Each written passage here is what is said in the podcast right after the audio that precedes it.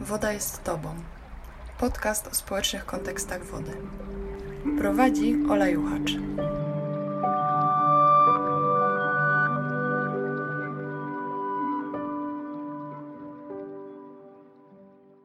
W dzisiejszym odcinku rozmawiam z kolektywem nurkowym Bojka. Są ze mną trzy dziewczyny, które działają w tym temacie od dłuższego lub krótszego czasu. Za nurkowanie obrały sobie kontekst swoich działań. Jestem ciekawa, dlaczego się tak potoczyło. Jakbyście mogły się przedstawić na początek, a potem przejdziemy do mięcha tej rozmowy, czyli nurkowania. Olga. Kaśka? Ola. To jest zawsze standardowe pytanie, jak to się zaczęło? Albo może jak e, zaczął się kolektyw nurkowy Bojka i kto go zainicjował i z jakim zapleczem? Czy wcześniej nurkowałyście? No, generalnie ja zaczęłam nurkować 15 lat temu, także to już jest kawałek drogi za mną. Aczkolwiek sam kolektyw powstał 3, hmm, chyba tak, tak? Około trzech. Około 3 lat temu. Powstało to z potrzeby organizowania się w grupie, gdzie będzie przestrzeń dla kobiet o różnym stopniu sprawności, przestrzeni, która nie będzie wykluczała, która będzie wprowadzała nowe metody nauczania nurkowego, odej- odejdzie od takiego wojskowego sznytu, który jest jednak dominujący w Polsce. Przez to, że jest to przestrzeń sportów ekstremalnych, no niestety, ale cały czas gdzieś tam spotykamy się ze ścianą takiego bardzo hardkorowego patriarchatu. Jesteśmy jak nieupupiane, to są nam umniejszane nasze e, zasoby techniczne, nurkowe dla osób, które mają inną aniżeli typowa ruchowość, tak? E, no to to bariery wejścia w przestrzeń są totalnie utrudnione. To jest ograniczenie dostępu do sprzętu czy do E, okazji? Wiesz co, generalnie tak naprawdę to wszystko wynika z pomysłu na to, jak powinna wyglądać przestrzeń dla nurków, tak? E, I z metod. E, Masz pewien klucz, według którego masz uczyć. On jak gdyby wymusza na tobie e, pewne określone ruchy, pewne określone typowe zasady. E, jakby celem w nurkowaniu jest e, wykonanie jakichś tam ćwiczeń, tak? Ale tak naprawdę koniec końców, jeżeli odejść e, od e, tej takiej klasycznej metodologii, e, jesteśmy w stanie z jedną ręką wykonać masę ćwiczeń, zaliczyć wszystko, co potrzeba, żeby uzyskać certyfikat. Tak naprawdę to wszystko zależy od tego, jak, jak patrzymy na ucznia. I bardzo często to wynika, jak te schody w wejściu w środowisko wynikają z niechęci, nawet takiej nieuświadomionej, e, troszeczkę takiego lenistwa instruktorskiego, bo my na przykład, zdobywając swoje kompetencje zawodowe, nie mamy tego w podstawowym zakresie szkolenia. Mówię o nurkowaniu e, dla osób z niepełnosprawnościami. Dla mnie jest to założenie na dzień dobry, jakby już u gruntu, u samych założeń fatalne, bo uważam, że to powinno być integralną częścią kursu. Każdy jeden instruktor powinien mieć takie kompetencje i to nie powinno być czymś nadzwyczajnym. Nie powinniśmy brać, tak jak ja brałam, jakiś tam dodatkowy kurs, żeby móc e, robić takie rzeczy. Uważam, że to powinna być część e, programowa. No, gdzieś tam spotkałam się z bardzo dużym sprzeciwem e, w towarzystwie, gdzie no ale jak to, no albo to jest coś ekstra. Nie, no to nie jest ekstra, tak? To jest poszerzanie po prostu pola. Dla mnie oczywistym jest to, że to powinno być, wiesz, klasycznym kanonem i uważam, że na przykład, wiesz, dziewczyny, które przychodziły do kolektywu, mówiły, że o, próbowały tu czy tu, no ale na przykład instru- instruktor czy tam instruktorka powiedziały, że niekoniecznie, albo musiały jeździć do Krakowa, gdzie tam faktycznie jest y, wspaniała Anna, która prowadzi też y, takie fajne kursy, no ale to jest, wiesz, no dlaczego ty masz jechać z Gdańska do Krakowa, tak? Tylko i wyłącznie dlatego, że ktoś nie nauczył Twojego nauczyciela, jak inaczej spojrzeć na studenta. No bo to jest tylko i wyłącznie kwestia kreatywności nauczyciela, tak? Nauczyciela, instruktora, jakkolwiek. Czyli zgadałyście się tak, że kilka z Was się pojawiło i stwierdziło, że chcemy nurkować tutaj w okolicach Poznania i po prostu zróbmy coś z tym? Jak to wyglądało na początku? No to raczej y, Katarzyna stwierdziła, że trzeba coś z tym zrobić i nas znalazła troszkę, tak mi się wydaje. Katarzyna zaczęła szukać trochę, poszerzać. Tą ofertę jakoś, Tak, tak? tak. I, I przez to znalazły się takie osoby z niepełnosprawnością, na przykład jak ja. Gdzieś tam chciałam nurkować rzeczywiście. Wcześniej spróbowałam odrobineczkę raz i na tym się skończyło, bo właśnie nie było w Poznaniu takiego miejsca, gdzie mogłabym to zrobić. No i tak się zaczęła przygoda.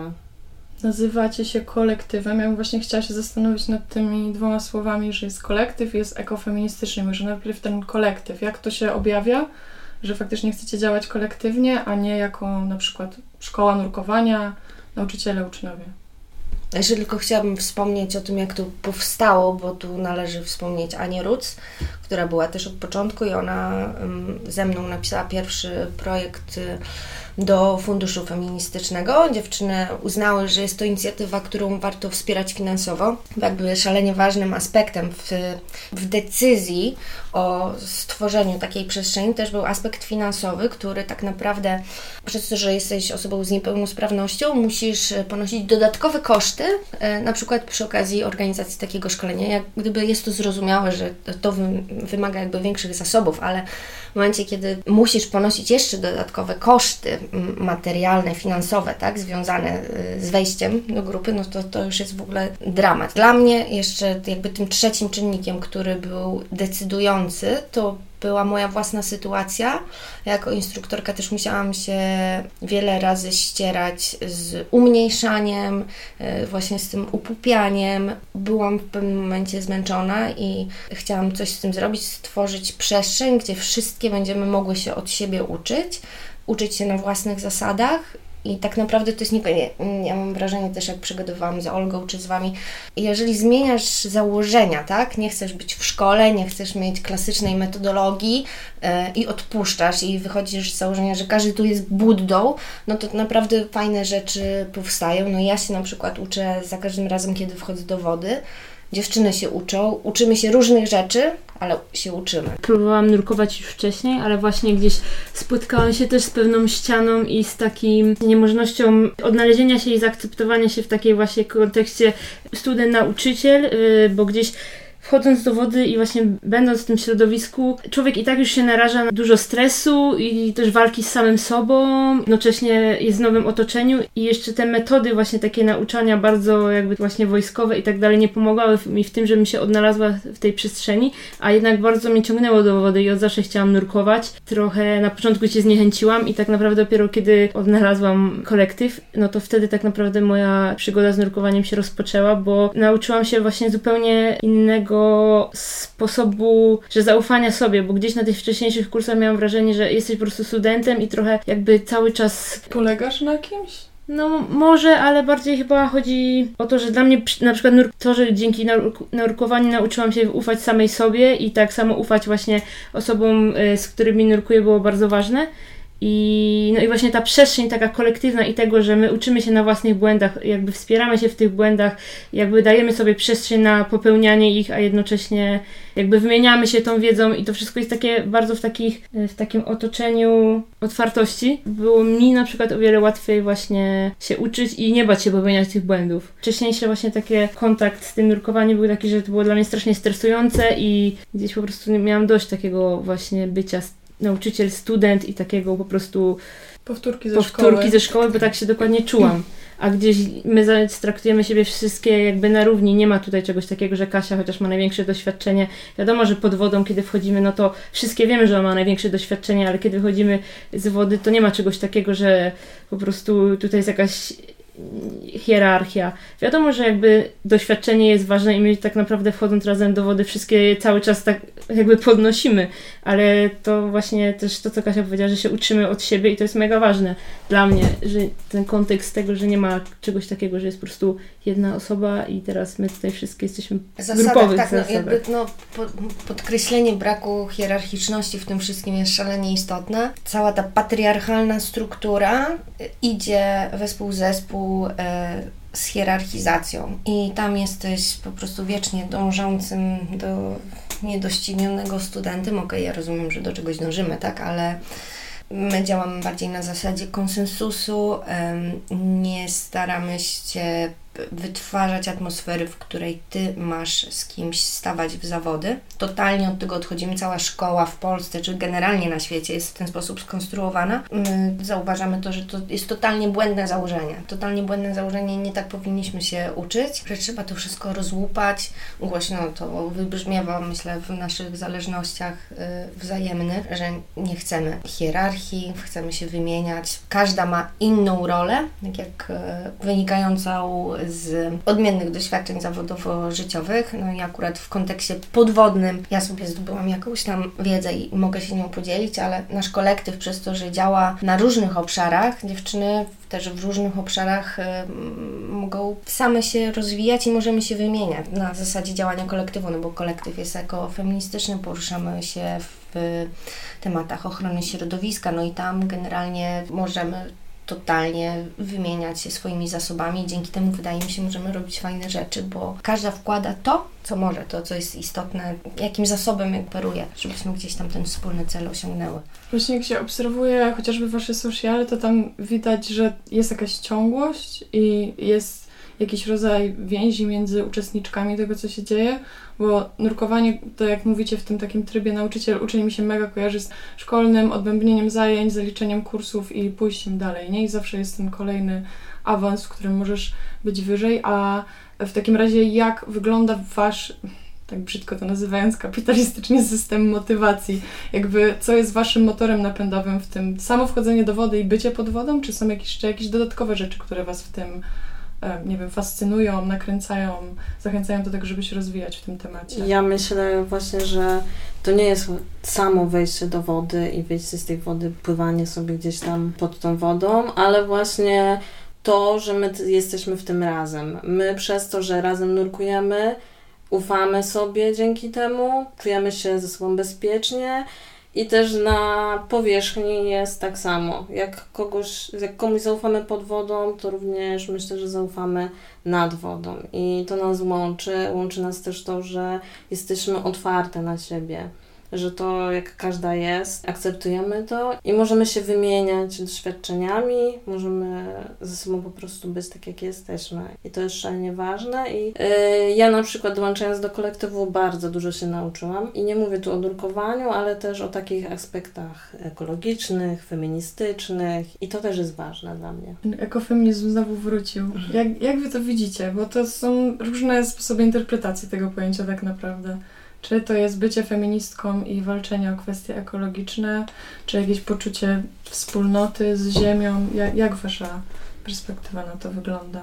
Jesteśmy feministkami, to jest jakby rzecz nadrzędna w tym wszystkim, ale też chciałabym podkreślić, e, że ten feminizm nie jest egzaltowaną, akademicką, neoliberalną formą zaznaczenia swojej obecności w świecie. Ten feminizm wymaga, wynika z potrzeby, wynika z potrzeby funkcjonowania na równych zasadach, chęci posiadania równego dostępu do różnorakich dóbr, no i tak naprawdę to gdzieś e, było tym kluczowym czynnikiem, który jakby wpłynął na to, że powstał kolektyw. No jak, jak, jaką ma to korelację z naturą? No my ja osobiście może wypowiem się za siebie, czuję szaloną więź yy, z naturą, z wodą. Przesiadując tam tak naprawdę pod powierzchnią większą część czasu, dłużej będąc pod wodą niż na powierzchni, zaczynasz mieć tą nienamacalną więź, tak? Aczkolwiek ja bym nie chciała się absolutnie na tym skupiać, nie chciałabym akurat, żeby to było, to wybrzmiewało, bo nie o duchowy aspekt połączenia feminizmu z naturą się rozchodzi, bardziej e, z mojego punktu widzenia mogłabym powiedzieć, jeżeli nawet nie zgadzasz się z tym, że matka jest,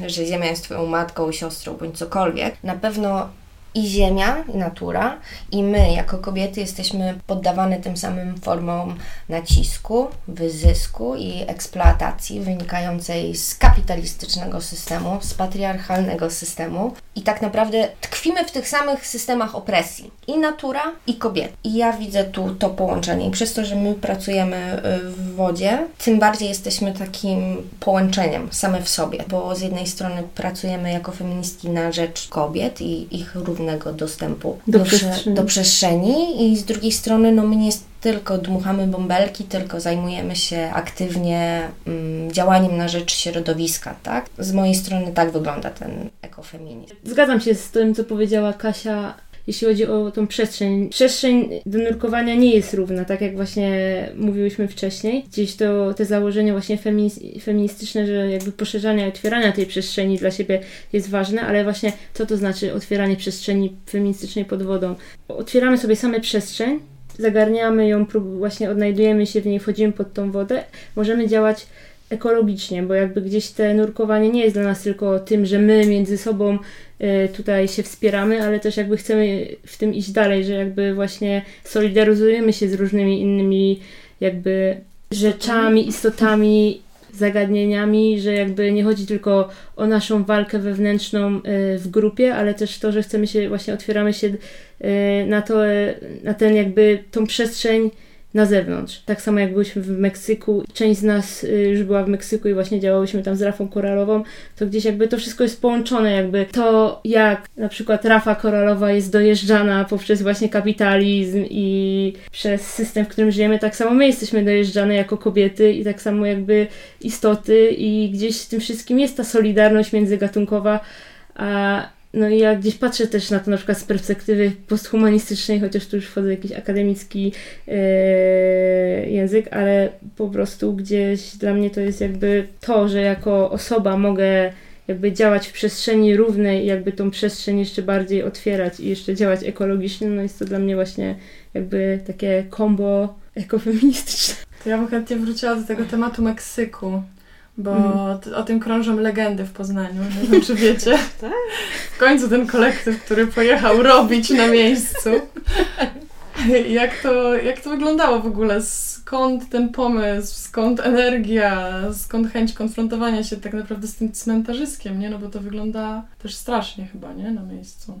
Generalnie chęć e, ratowania tego, co y, już i tak stoi nad grobem. No my, Myślę, tak. że to wszystkie my tu łącznie z Tobą, Ola, mamy.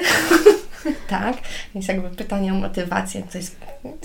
No po prostu doraźne, sprawa doraźne, działanie doraźne po prostu. Nie wiem, no i generalnie do Meksyku trafiłam podczas moich poszukiwań miejsca, gdzie mogłabym zająć się restauracją rafy koralowej no bo gdzieś tam z punktu widzenia ekologicznego to jest tak samo ważny aspekt y, w działaniu, funkcjonowaniu naszej planety jak y, lasy tak jak Amazonia, na przykład w tym momencie już po tych wszystkich pożarach i wycinkach, mm, one nawet przejęły większą część w tak, tak, tak, funkcji. I generalnie znalazłam inicjatywę bardzo mocno oddolną, samofinansującą się, walczącą z wiatrakami mm, na Kozumelu. E, Kozumel jest takim ostatnim bastionem tak naprawdę na zdrowej, pseudozdrowej rafy, na, w paśmie właśnie rafy mezoamerykańskiej. No i tam tam zaczęłam powolutku, powolutku działać. No i dla mnie jakby naturalnym następstwem tego wszystkiego było to, że no, dziewczyny, które są w kolektywie, przyjadą i też będą mogły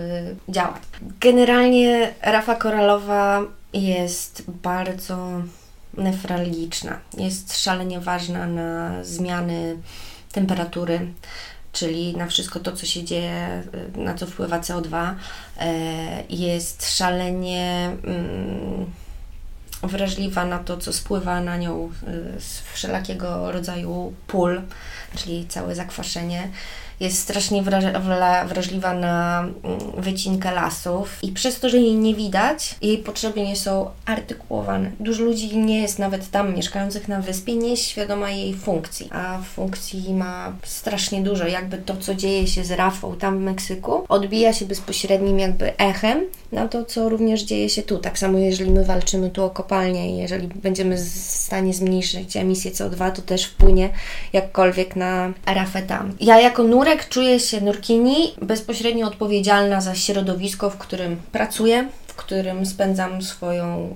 y, znaczną część czasu, także dla mnie to była taka naturalna jakby konsekwencja, żeby pomóc wybrzmieć potrzebom ty, tych istot, które są niesłyszane. Niesłyszane, niezauważane, no bo to jest jednak reglamentowana rzecz nie każdy tam może gdzieś tam wejść i, i, i poczułam wewnętrzną potrzebę mm, dania jej głosu w przestrzeni nad wodą. I też y, ta mm, nawet organizacja, też możemy nazwać kolektywem, y, też był w takim punkcie, gdzie wzbudził moje totalne zaufanie i bardzo mocno się połączyłam z nimi wewnętrznie i czułam, że potrzebują wsparcia i tak naprawdę ta sprawczość przy okazji takiej y, oddolnej inicjatywy i to, że tymi rękoma faktycznie idziesz coś zrobić, pomagasz drugim, drugiemu człowiekowi, który też tymi rękoma y, z wiatrakami przysłowiowymi walczy, także... Bo to nie jest tak, że to jakby ten kolektyw jest jakimś wielkim ruchem, ani czymś mhm. takim, że działamy właśnie, mamy, mamy narzędzia, każda z nas nosi jakieś narzędzia, ale to wszystko właśnie raczej stawiam na działanie działania oddolne i tak samo jakby y, tutaj czy w Meksyku, to gdzieś dla nas y, ważne było to, żeby współpracować z ludźmi, którzy jak, faktycznie jakby też y, w to wierzą, że, że można coś zmieniać oddolnie, że my wchodziłyśmy codziennie do wody i tak naprawdę no właśnie na tym cmentarzysku koralowców działałyśmy i Wiadomo, że to wydaje się, że to nie ma jakby wpływu, ale e, wpływu globalnego, ale właśnie tak naprawdę gdzieś chyba wierzymy w to, że od takich najmniejszych czynów i tego, że ty możesz jakby, nie chodzi o to, że teraz, że każda, wiadomo, ta słomka odjęta od buzi to po prostu uratuje świat, ale no jakby jeżeli każdy decyduje się e, na pewne jakby ruchy w swoim życiu związane z jakimś działaniem ekologicznym, no to jednak ta konsekwencja gdzieś jest moim zdaniem ważna, że nie musimy się roz, rozrzucać na wszystkie działania i teraz nie robić niczego i gdzieś to, że my wchodzimy pod tą wodę było bardzo dla mnie ważne, że jak już wchodzimy pod tą wodę, to róbmy coś pod wodą, bo tak naprawdę na tym całym kursie snorką uczymy się tego, że jakby musimy być odpowiedzialni za siebie w wodzie i to nie jest tylko to, że możemy podziwiać te rzeczy, ale jakby też musimy tak naprawdę dbać o to środowisko, bo kto oprócz środowiska tak naprawdę nurkowego będzie dbał o to, co jest pod wodą. No jakby oczywiście środowisko naukowe, no ale jakby gdzieś tutaj ten przemysł też turystyczny nurkowania jest bardzo nastawiony na takie bardziej eksplorowanie niż zajmowanie się właśnie tą pracą gdzieś oddolną. To, że my jesteśmy w Polsce, a lecimy do Meksyku i nie lecimy tam, żeby po prostu nurkować i spijać. Tak, tylko jakby siedzimy tam jakiś czas, rozmawiamy z lokalnymi ludźmi, tak naprawdę żyjemy z nimi. No siedząc tam, no jakby byłyśmy tak naprawdę jakąś częścią tego miejsca, gdzieś działałyśmy codziennie y, tymi, z tymi osobami. To też było ciekawe, bo na przykład Kozumel jest takim miejscem, które jest no, chyba jedną z największych destynacji kruzerów na świecie, czyli jakby najwięcej kruzerów zahacza o tą wyspę. To jest mała wyspa, to jest jedno miasto, a codziennie tam przypływa sześć statków, ale ci ludzie nawet nie wiedzą, że pod nimi jest rafa koralowa, którą niszczą i jakby ona już jest prawie że ostatnim bastionem w tamtym regionie i ten kruzer wpływając niszczy rafę koralową, czy tak. tam się dzieją wokół tego rzeczy, które... Znaczy jedno wszystko? i drugie i trzecie, bo jedno to jest rzecz, że jak kruzer wpływa, to jakby robi zawirowanie pod wodą i podnosi, podnosi się jak dno i opada znowu na te korale, które jakby przez to są zatykane i, I w ogóle się i się duszą. Druga rzecz jest taka, że jakby kruzery są najekstremalnie nieekologicznymi to jest, chodzi o to o wylewanie jak ścieków, obrót paliwem, jakby tam w ogóle się nie reguluje tak naprawdę do końca tego, jak się pozbywać y, rzeczy ze statku. I wyobraź sobie teraz sześć statków codziennie nowych przypływa i odpływa, no to jest jakby, to jest więcej niż autostrada nawet w takim miejscu, a pod tym są małe organizmy, które są no najwrażliwszymi tak naprawdę chyba, jednymi z najwrażliwszych oczywiście organizmów pod wodą, które jednocześnie pokazują jak stan tak naprawdę tego, co się dzieje pod wodą. Jak patrzy się na rafę koralową to i właśnie to, co się dzieje z koralowcami, to dzięki temu możemy wiedzieć, jak jest źle, bądź może lepiej czasami y, pod wodą i to jakby co się z nią dzieje. Żeby um, umożliwić w ogóle wejście, bo mm. Olga mówi statek, ale to jest cruiser, który mm. ma 3000 ludzi na pokładzie. Um, to jest przepotężna machina. I ona sobie tak po prostu nie sumuje gdzieś, tylko... To jest taki blok mieszkalny. Mhm. Dokładnie, dokładnie. I wyobraź sobie, że Wielkie tam, osiedle ci wpływa tak, codziennie, sześć wielkich osiedli. Dokładnie. Tam masz ludzi, którzy faktycznie też traktują to jako osiedle, bo masz emerytów ze Stanów, którzy sobie na 3-4 miesiące wykupują tam jakieś turnusy, ale to mniejszą większość. No ale żeby umożliwić wpłynięcie takiemu statkowi do portu. No ten port trzeba zbudować, a żeby port zbudować, trzeba wyciąć rafę. Więc tam doszło do takiej kur kuriozalnej sytuacji, gdzie pocięli całe wybrzeże, ten właśnie pas, w którym my pracujemy, bo my pracujemy już w ogóle nie dość, że na tej wyspie, która jest okiem Mordoru, to pracujemy jeszcze w miejscu, które nie jest chronione, które zostało pocięte właśnie pod te doki. Wielkimi maszynami pocięli kloce i ktoś e, z Wydziału Środowiska ze swoim pięknym zamysłem zabrał te bloki i wyrzucił gdzieś tam w morze. Bloki, w sensie bloki, bloki rafy koralowej. Bloki rafy koralowej. Po prostu Taki żywej, żyjącej. Tak? I rzucili w inne miejsce, gdzie wiadomo, to że to nie jest tak, że to się umarło, odbuduje. Tak? No. Mm, tak, że zostały same bloki. I teraz możesz popływać na blokach. No ale w każdym razie jest to pasmo ziemi niczyjej, pasmo batalii i tak się, tak się wydarza. Ci ludzie jeszcze dodatkowo, schodząc na ląd, no zostawiają swoje siusiu i kupę. No trzeba to jakby też wyartykułować, bo to jest olbrzymi problem, bo te całe ścieki tam też nie ma mm, regulacji. I oto też prowadzimy batalię, będąc tam, żeby uregulować y, politykę. Wielkimi rurami to wszystko jest spuszczane na y, rafę koralową, która też przez to wszystko ob obumiera. Pojawiają się cyanobakterie, które pokrywają połacia kordylierów tych podwodnych. No i to też jest jakby problem. Jakby tu warto powiedzieć przy kruzerach, że możnowładcy, no bo na Kozumelu jest parę rodzin, która trzyma wszystko z twarz i jakby wszyscy mówią, że okej, okay, no ale gdyby nie ci ludzie z kruzerów, no to przecież nie mielibyśmy co jeść, ale jest to totalnie nieprawdą i to trzeba mówić, trzeba szerzyć świadomość, y, jeżeli o to się rozchodzi, bo tak naprawdę jest tam parę również korporacji, które doją pieniądze z tych turystów y, z wielkich statków i lokalni ludzie absolutnie nie widzą tak naprawdę profitów y, z przypływania tych statków. Są niewolnikami na swojej własnej wyspie, bo dostają bardzo y, niskie wynagrodzenia będąc autochtonami, do tego stopnia, że też no, na pewno każda z Was tu widziała e, matki z takimi dzieciaczkami po 2-3 lata. Te dzieci nie były w wózkach, tylko dzieci pchały wózki i zbierały puszk po piwach. I tak wyglądają realia ludzi, którzy faktycznie mieszkali kiedyś, lata temu przed kruzerami na wyspach, na wyspie i są tam dalej. Także to jest niesamowite i też będąc tam, dzięki temu, że mamy załogę, która mm, operuje w jeszcze w innych sektorach, ta nasza walka walka o rafę nie kończy się tylko i wyłącznie pod wodą. I okej, okay, można powiedzieć, no może tylko i wyłącznie należałoby pisać papierki, no ale nie, trzeba też działać, no bo rafa się sama nie naprawi. Tak, no i trzeba jest, też o tym mm, mówić. No, trzeba o tym mówić. My jesteśmy jakby z Polski, a jedziemy gdzieś tam, ale to też jest dla nas ważne jeszcze solidaryzowanie się po prostu z pewnymi rzeczami.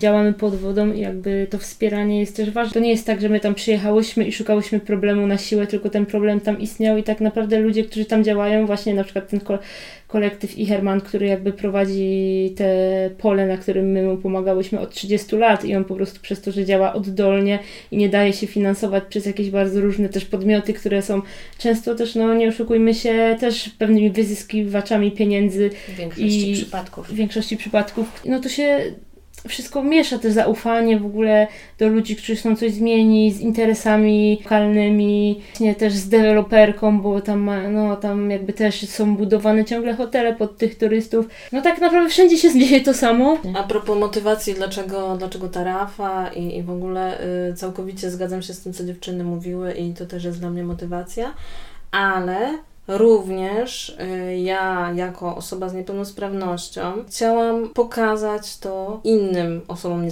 z niepełnosprawnością oraz innym ludziom, że mimo tego, że gdzieś tam w jakichś rejonach potrzebuję y, jakiejś pomocy, nie, nie jestem stuprocentowo niezależna, to ja również mogę robić coś dla innych. I tutaj mogę robić coś dla ekologii, mogę robić coś dla rafy koralowej. To, że y, na lądzie poruszam się na wózku, nie znaczy tego, że pod wodą nie mogę ratować rafy koralowej. I też to jest takie udowadnianie innym, że można. Że, że naprawdę jak się chce, nawet mając jedną rękę, no możesz nawet ratować rafę koralową. No właśnie, bo tu się też po prostu liczą chęci i to właśnie też gdzieś w naszym kolektywie jest ważne, że no my nie ograniczamy się, że ktoś tutaj coś może lub nie może. Tak, ale to co powiedziała Ola, bo jak wy wyjechałyście, e, bo Ola była z Anią i właśnie w kontekście niepełnosprawności i pokazywania tego, że okej, okay, może na lądzie mm, w tym aspekcie mm, potrzebuję pomocy, ale mogę być pełnoprawną aktywistką, tak, to bardzo intensywnie wybrzmiało w środowisku tam. E, szczególnie w środowisku instruktorów nurkowych. My mamy swoje centrum niedaleko takiej bazy. Oni nie mogli wyjść y, z z zaskoczenia, z podziwu, nie wiem, bo tam oni nie okazują czegoś takiego jak podziw e, dla kobiet za bardzo, e, aczkolwiek no, zaskoczenie było olbrzymie. No był bardzo pozytywny, pozytywny oddźwięk, tak? Szczególnie, że wszystko, co robiłyśmy tam, miałyśmy do pokonania wielkie schody e, przy wejściu do wody, bądź bardzo wysokie molo. Mhm. Wszystko ogarnęłyśmy, ogarnęłyśmy to same, nie poprosiłyśmy ani razu o pomoc. Nie, nawet nie o to się rozchodzi, że to motywowałyśmy się ego. Nie, no po prostu wszystkie kobietki tam byłyśmy w stanie to ogarnąć. Naprawdę byli zdziwieni. Wiem, że jak przyjechałyśmy, to była taka postawa o Boże, myślę, że teraz będą tylko znowu jakieś problemy, no bo to też musi wybrzmieć, że no niestety, ale taka postawa była, a potem jak y,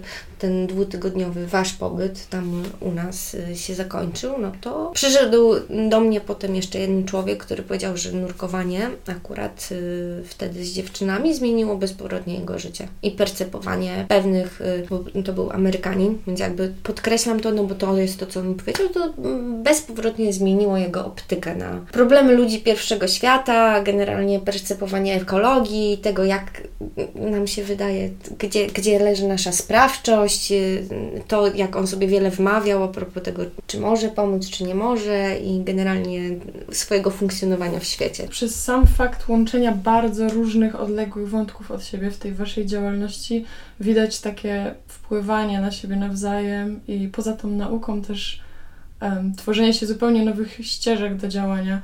Ja też pomyślałam o tym kontekście Meksyku, że nawet jeśli nie spotkałyście tam działaczek feministycznych na miejscu, to to wasze działanie jest jakby mocno takie południowoamerykańskie, feministyczne w tym kontekście działania lokalnie, szukania rzeczy, które już są, a nie generowania pomysłów, co możemy zmienić.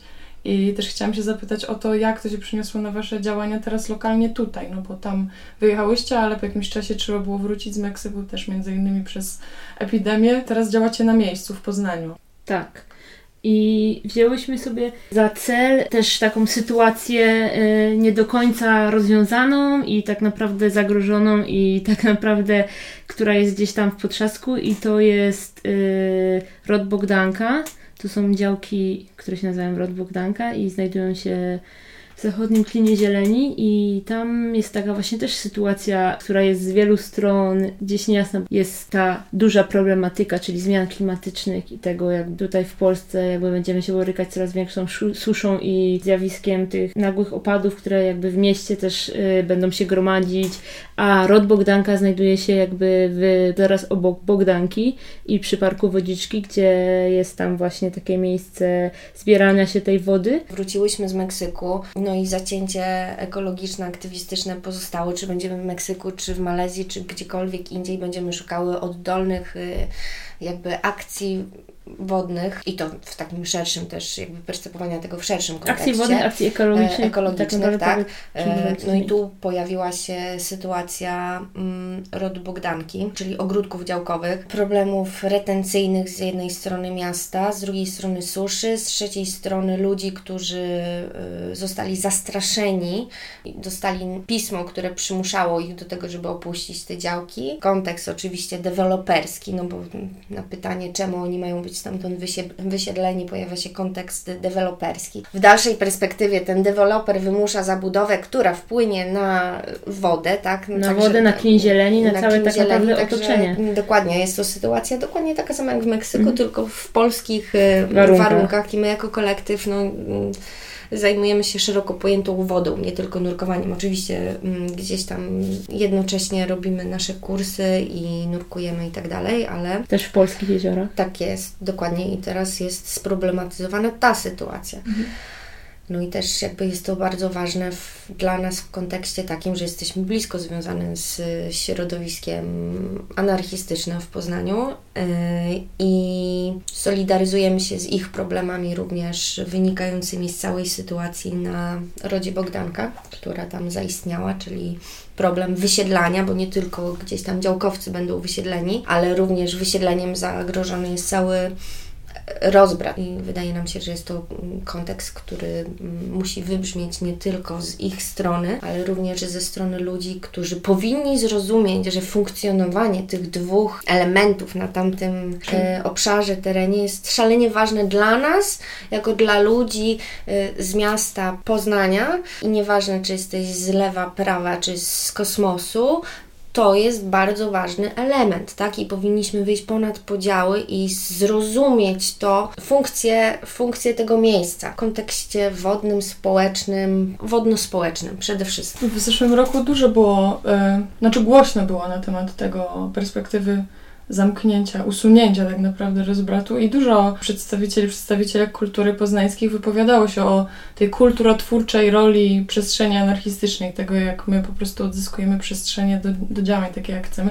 A teraz faktycznie jak trochę ucichło, ja na przykład nie słyszałam jaka jest perspektywa, co się będzie dalej działo z rozbratem. Może to wybrzmi na tej debacie teraz, no bo tak naprawdę o to się rozchodzi, że cała sytuacja jest tu na tyle sproblematyzowana i na tyle niejasna i na tyle nie funkcjonuje jako coś takiego istotnego do rozwiązania gdzieś tam w kontekście tego dyskursu miejskiego, że tak naprawdę ty się zastanawiasz, co się dzieje, ja się zastanawiam, co się dzieje.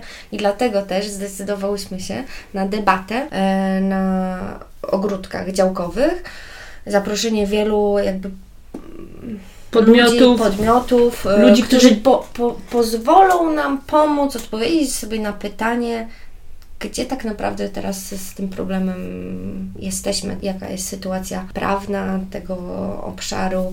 Postaramy się przede wszystkim poznać motywacje miejskie, które stoją za traktowaniem tego problemu po macoszemu, bo ten konflikt trwa już wiele lat i chcielibyśmy w końcu e, uzyskać jakieś, e, jakieś klarowne odpowiedzi i też poznać różne punkty widzenia i też poznać punkty widzenia przyrodników, działkowców i różnych ludzi. Chciałybyśmy, żeby wybrzmiało ten problem, co publiczne, a co prywatne i żeby to co też, jest ważniejsze, co jest ważniejsze. W kontekście miasta i tak I... naprawdę też w, no, w kontekście społecznym, w kontekście przyrodniczym, bo to tak naprawdę wszystko się miesza.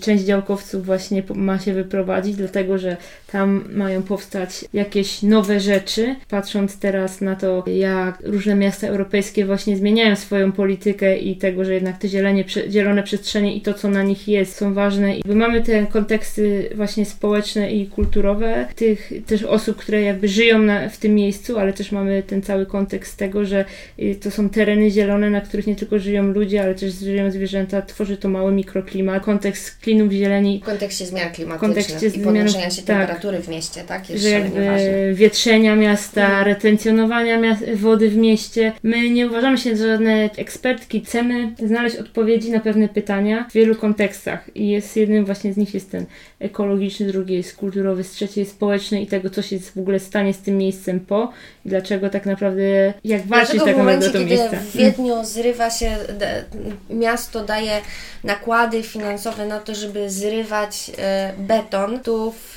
Poznaniu e, jesteśmy w takiej kuriozalnej sytuacji, że e, coś, co już jest, spełnia swoją funkcję i będzie jeszcze bardziej funkcjonalny dla miasta. Chcemy to zniszczyć, zaorać i potem jak to obsiejemy deweloperką, będziemy się zastanawiać, a może je posadzić drzewo, tak? Skąd wynika mm, jakaś taka zupełnie anachroniczna polityka zarządzania zielenią miejską na przykład w Poznaniu. No bo to jest jakby problem, który też, który nikt nie jest w stanie odpowiedzieć, e, prowadząc e, gdzieś tam nasze wywiady, um, usłyszałyśmy pytanie, że jest to totalnie wszystko do zrobienia, tylko nie ma chęci. No ale jak w tym momencie, to nie może być odpowiedź, że nie ma chęci, tak? Więc jeżeli nie ma chęci, no to dowiedzmy się, dlaczego nie ma tych chęci. Dlatego 6 sierpnia robimy debatę na Rodzie Bogdanka, gdzie chcemy Podjąć zadać, te wszystkie kwestie. Tak, zadać pytania, porozmawiać o tym, co o można zrobić. Godzinie? O której godzinie? 18. E, Okej, czyli odpowiedzi, pewnie części, bo nie na wszystkie, nigdy nie ma odpowiedzi na wszystkie pytania, ale pewnie na część chociaż będzie, podczas tej debaty, dyskusji, do której zapraszacie na Rodzie Bogdanka 6 sierpnia o godzinie 18 w ramach generatora Malta. E, Ja Wam dziękuję bardzo za tę rozmowę i pewnie o samej bojce można by było jeszcze rozmawiać godzinami. E, Zachęcamy też do zadawania pytań dziewczynom pewnie na kanałach, jeżeli się interesujecie nurkowaniem zwłaszcza. E, Czy planujecie jakieś kursy jeszcze dla osób o różnych stopniach sprawności w najbliższym czasie? Cały czas y, jest taka możliwość i możecie się kontaktować, jeżeli jest taka potrzeba.